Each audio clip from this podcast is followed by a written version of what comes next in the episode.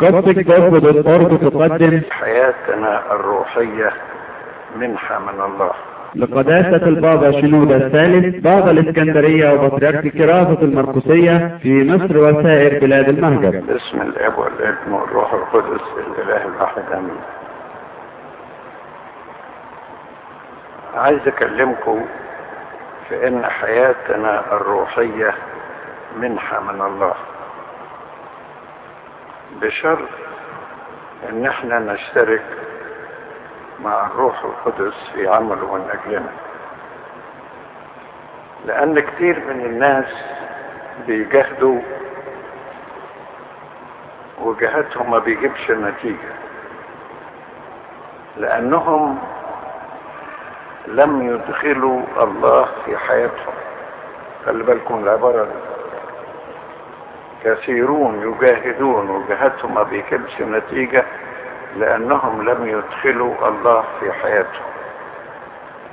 الكنيسة علمتنا إن إحنا لا نعتمد على ذراعنا البشري وإنما نطلب ربنا في كل حاجة.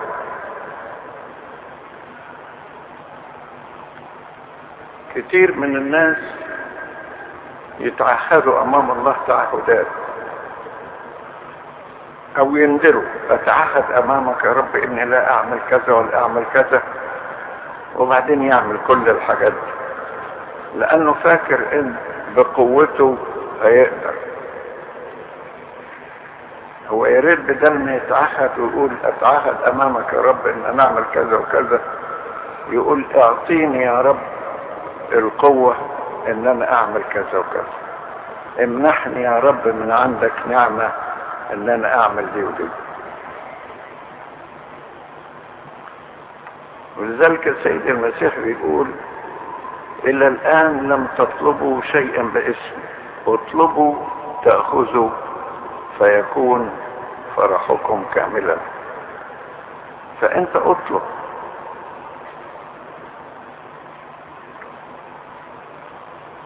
وكل ما ما تطلب طلب وربنا يستجيبه تشكر عليه. لأن واحد من القديسين قال لا توجد عطية بلا زيادة إلا التي بلا شكر. ياما إحنا بنطلب طلبات وربنا يستجيبها وننسى. ننسى إن إحنا نشكره.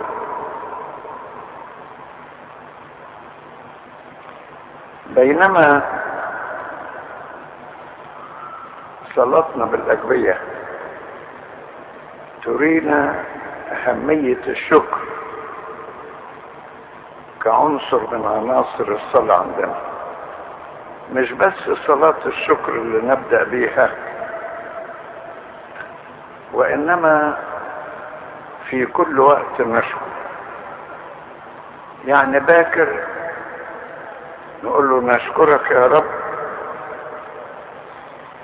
لأنك أجزتنا هذا الليل بسلام وأتيت بنا إلى مبدأ النهار. وفي الساعة الثالثة نقول له نشكرك يا رب لأنك أقمتنا للصلاة في هذه الساعة المقدسة التي فيها أفضت نعمة روحك القدوس على تلاميذك خواصك القديسين. لاحظوا كلمة أقمتنا للصلاة. يعني مش واحد بيصلي وبيفتكر إن هو عمل جميل في ربنا وبيصلي. ده بيقول له أنت يا رب أنت اللي أقمتنا للصلاة. ونشكرك لأنك اديتنا الفرصة إن إحنا نعرف نصلي. وفي الساعة السادسة يقول يا ملك نشكرك يا ملكنا ضابط الكل لأنك جعلت أوقات آلام ابنك الوحيد أوقات عزاء وصلاة كله وفي الغروب نقول له نشكرك لأنك منحتنا أن نعبر هذا اليوم بسلام وأتيت بنا إلى المساء شاكرين. يا ريت تدخلوا عنصر الشكر كعنصر دائم في صلواتكم. اجلس بينك وبين نفسك وشوف إيه كل اللي عمله ربنا معاك واشكر عليه. داوود كان بيعمل كده. بيقول باركي يا نفس الرب ولا تنسي كل حسناته اللي عمل معاك كذا وكذا وكذا وكذا. كم هي يعني نعم ربنا عليك ومساعدة ربنا ليك في حاجات كثيرة ليك ولأحبائك وأصدقائك وعيلتك وإنت لا شكرت ولا عملت. ومع ذلك بتطلب جديد دون أن تشكر على القديم.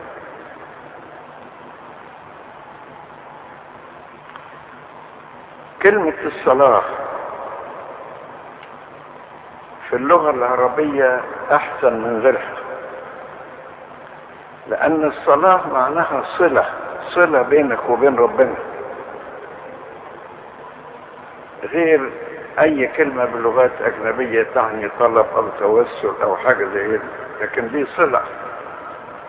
فأنت تشكر ربنا إنه أعطاك هذه الصلة. ولذلك اللي يقرأ في الأجبية كويس يجد أوقات كثيرة نصلي من أجل إن ربنا يقبل صلواتنا. مش كل صلاة بتكون مقبولة أمام ربنا. مش كل صلاة بتكون مقبولة أمام ربنا. والواحد يخاف من كلمة ربنا في سفر أشعية النبي في الإصحاح الأول لما بيقول للشعب الخاطئ بيقول حين تبسطون أيديكم أستر وجهي عنكم وإن أكثرتم الصلاة لا أسمع أيديكم ملآنة دما. حين تبسطون أيديكم أستر وجهي عنكم وإن أكثرتم الصلاة لا أسمع أيديكم ملآنة دما. ولهذا إحنا في صلواتنا كتير قوي بنقول يا رب اقبل صلاتي يا رب اسمع صلاتي يا رب أمل أذنك واستمعني لتدخل طلبتي إلى حضرتك. ولتدنو وسيلتي قدامك. نقول له اقبل تمجيدنا هذا الذي صار الآن. نقول له فلتستقم صلاتي كالبخور قدامك وليكن رفع يدي كذبيحة مسائية. فإحنا نطلب إن ربنا يقبل صلواتنا. يقبل صلواتنا. نقول له اقبل منا في هذه الساعة وكل ساعة صلواتنا وأول مزامير أول مزمور في صلاة النوم من الأعماق صرخت إليك يا رب يا رب استمع صوتي اسمع صوتي. لتكن أذناك مصغيتين إلى صوت تضرعي. وده نفس الكلام اللي يشبهه الكلام اللي قاله سليمان الحكيم أثناء تدشين الهيكل. قال له كل صلاة يا رب يقولها لك في هذا الموضع لتكن أذناك على هذا الموضع. وإذا سمعت فاستكن. فأنت في صلاتك مش بس تشكر على كل اللي عمله فيك ربنا إنما أيضا تطلب أن ربنا يقبل صلاتك. شوف هل صلاتك دي صلاة بإيمان ولا لا؟ صلاة بخشوع ولا لا؟ صلاة بفهم ولا لا؟ صلاة من قلبك ولا لا؟ هل هي فعلا صلاة تشعر فيها بالصلة بينك وبين ربنا؟ ولا لها اسم الصلاة وهي مش صلاة؟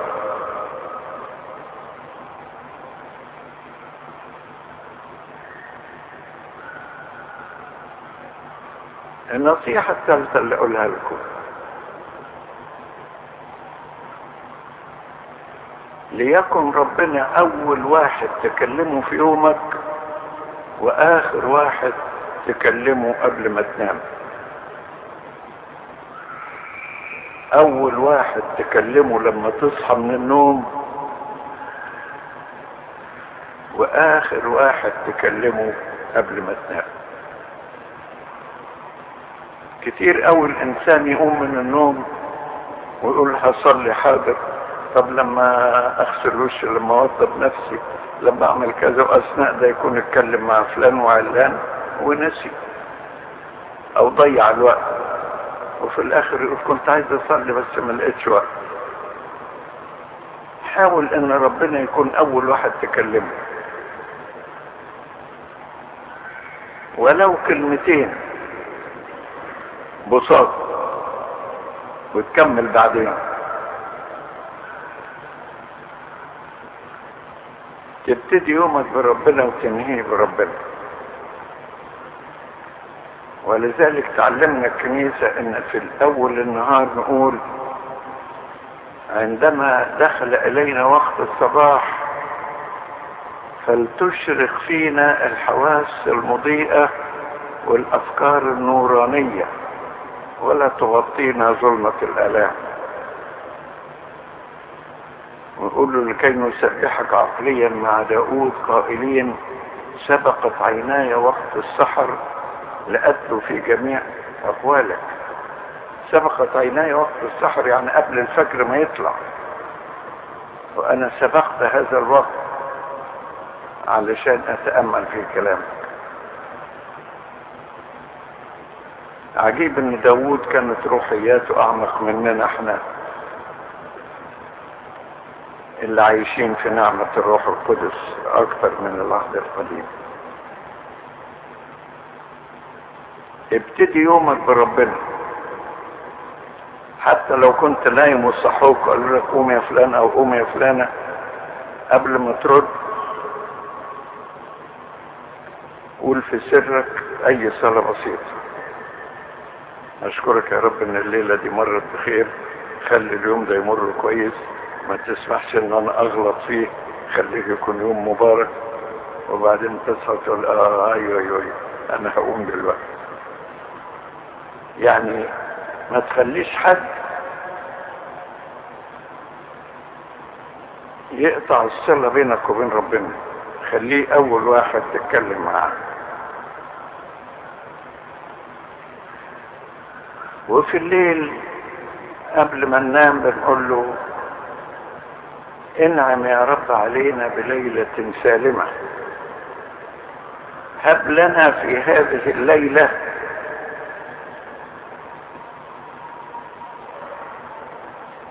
هب لنا في هذه الليلة المقبلة سلامة بغير ألم ولا قلق ولا تعب ولا خيال.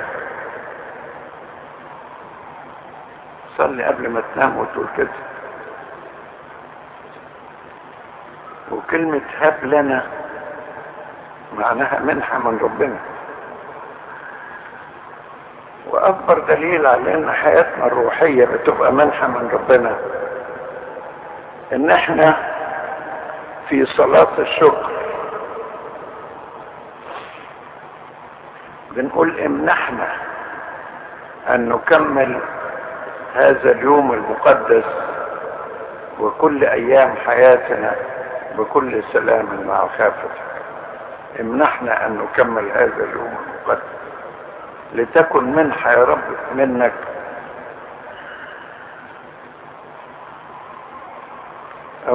في صلواتنا اعطنا يا رب أن نفعل ما يرضيك. مش أتعهد أمامك يا رب إن أنا أفعل ما يرضيك لا. اعطنا يا رب إني أفعل ما يرضيك. خلي حياتك الروحية تبقى منحة من ربنا. تطلب منه كل اللي أنت عايزه. حتى من جهة الفكر والقلب.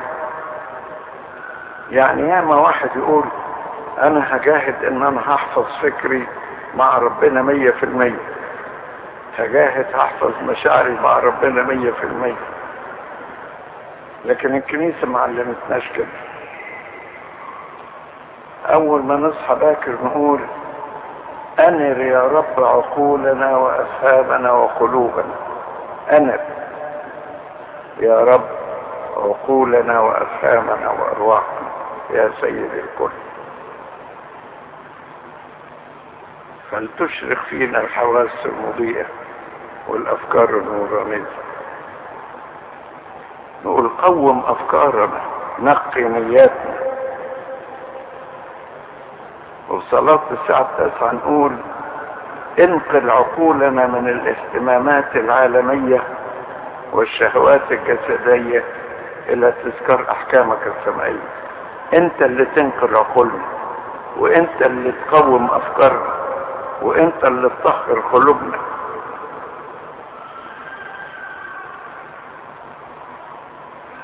ولذلك من جهة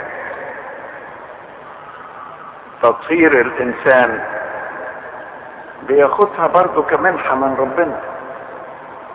إحنا في القداس الإلهي بنقول طهر نفوسنا وأجسادنا وأرواحنا. طهر نفوسنا. مش نتعهد أمامك يا رب إن إحنا نعيش طاهرين. إحنا بنقول له طهر نفوسنا وأجسادنا وأرواحنا. في المزمور الخمسين اللي بنقوله في كل سنة نقول اغسلني يا رب فأبيض أكثر من السلك اغسلني كثيرا من اسمي. انضح علي بزوفاك فأطهر. هو ربنا اللي بيغسلنا وهو اللي بيطهرنا. لكن كون إنك أنت فاكر إن بقوتك وبإرادتك وبعزيمتك هتمشي صح الشيطان يقول لك أنا يا من انتصرت على ده اقوى منك. والكتاب يقول عن الخطية طرحت كثيرين جرحة وكل قتلاها أقوياء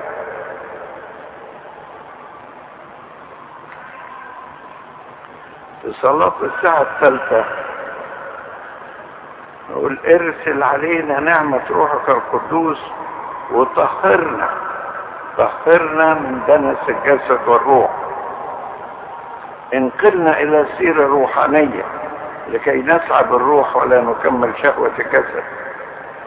انت تطلب من ربنا أنه ينقلك إلى سيرة روحانية. يديك طهارة النفس والجسد والروح.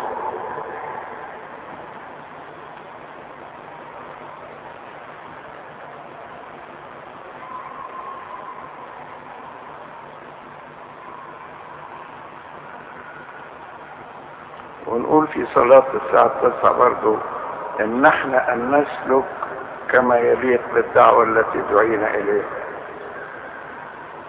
في صلاة باكر هب لنا في هذا اليوم الحاضر أن نرضيك فيه. هب لنا منحة منك هب لنا في هذا اليوم الحاضر أن نرضيك فيه. اوعى تفتكر جهادك بدون يد الله معاك ينفع بحاجة جاهد صحيح. لكن لازم يكون ربنا هو اللي بيقودك في جهادك ونعمة ربنا.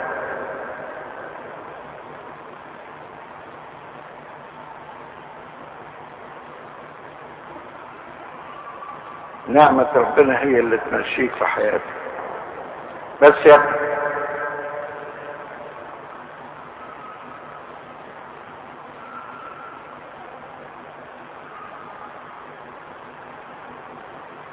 أيضا من جهة التوبة. ياما ناس بيفكروا كيف يتوبون. وممكن يجهلوا ما يتوبوش لأن ما بنطلبش التوبة من ربنا. ما أجمل العبارة التي وردت في ارميا النبي ارميا 31 18 توبني يا رب فأتوب. توبني. توبني يا رب فأتوب. ممكن إنك أنت تصلي تقول توب يا نفسي ما دمت في الجسد ساكنة لكن تحتاج إن ربنا هو اللي يديك النعمة اللي تستطيع بيها إنك أنت تتوب. نقول في صلواتنا انقذنا من عبودية العدو. ابطل عنا كل قوة المعاند. وجميع جنوده الشريرة. احرسنا من كل شيء رديء ومن كل خطية ومن كل قوة مضادة. ونقول في الصلاة الربية لا تدخلنا في تجربة لكن نجينا من الشرير. أنا خايف لا تكون صلواتنا في حتة وعمليا مش ماشيين في نفس الكلام اللي بنقوله في صلاتنا. دخل ربنا في كل خطوة من خطوات حياتك. في كل عمل تعمله. سواء من أجل توبتك من أجل طهارتك من أجل صلواتك من أجل خدمتك. عايز من أجل خدمتك؟ ده بولس الرسول بيقول صلوا من أجلي لكي أعطى كلاما عند افتتاح فمي. بقى بولس ما كانش عنده القوة إن يتكلم ويقول حكم من كل ناحية لكن بيقول لكي أعطى كلاما عشان ربنا يديني كلمة عند افتتاح فمي فأنت خلي التوبة بتاعتك أيضا موضع صلواتك واطلب من ربنا إن يعطيك التوبة من عنده. اطلب ونفذ. يعني الروح القدس يعمل فيك وانت تشترك مع الروح القدس في العمل. لا تحزن الروح ولا تطفئ الروح ولا تقاوم الروح ولكن الروح هو اللي, اللي ماسك قيادك وانت مستسلم لعمل الروح فيك.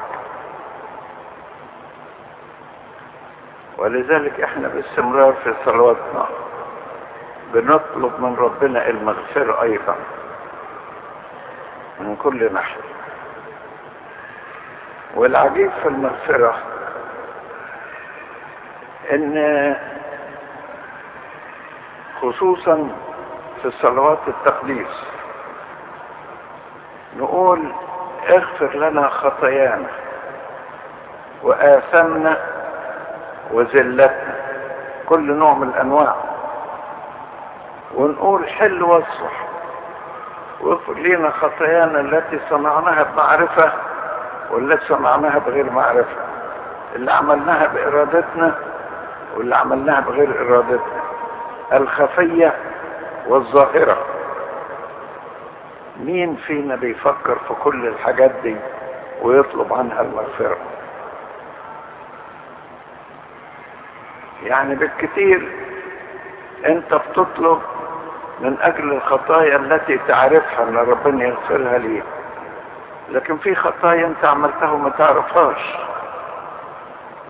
جايز كلمة قلتها عادية وجرحت شعور واحد وأنت مش دريان ومش عارف. لكن هو تعبان منك وأنت مش دريان. يقول له اغفر لي يا رب الخطايا اللي أنا ما أعرفهاش. أو الخطايا اللي بغير إرادتي. أو اللي تظن إنها بغير إرادتك. زي خطايا الأحلام مثلا. تفتكر إنها بدون إرادتك. بانما هي نتيجة إرادة سابقة أو أشياء مترسبة في العقل الباطن من أخطاء سابقة. فاطلب المغفرة عن كل حاجة.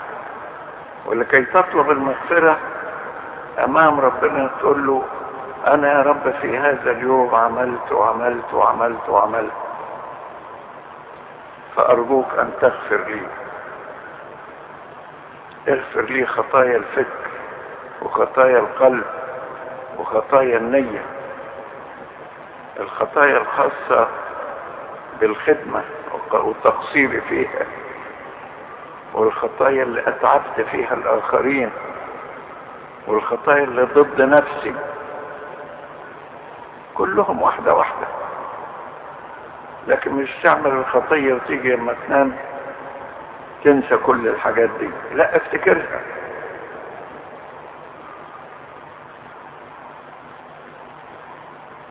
ما هو الشيطان أثناء ارتكاب الخطية ينسيك وصية ربنا. واثناء الصلاة من أجل المغفرة ينسيك الخطية اللي أنت عملتها.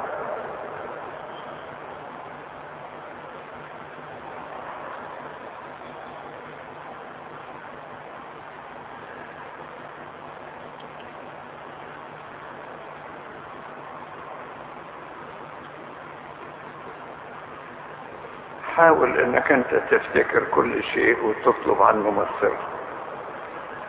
زي ما تفتكر حسنات الله إليك وتقدم شكر عن كل حاجة؟ حاول تفتكر كل خطية عملتها وتطلب عنها مغفرة. الكنيسة تعلمنا أيضا إن إحنا نضع أمامنا الدينونة في كل يوم وخصوصا في صلوات الليل. تفتكر الدينونة وتفتكر إنك هتقف أمام منبر الله العادل وتقول له اي أي إدانة تكون إدانتي أنا المضبوط في الخطايا؟ تفتكر يوم تفتح الأسفار وتكشف الأعمال وتعرف النيات وتقول يا رب اغفر. عشان كده بنقول في صلواتنا. انعم يا رب علي بتخشع قبل أن يأتي الانقضاء وخلصنا. حاجات كتير في الصلاة ممكن الواحد يفتكرها لكن المهم إنك تطلب معونة من ربنا في كل شيء وتطلب الفضيلة كمنحة من ربنا يديها لك. نتيجة استجابتك لعمل الروح القدس فيك. اتفضلوا نصلي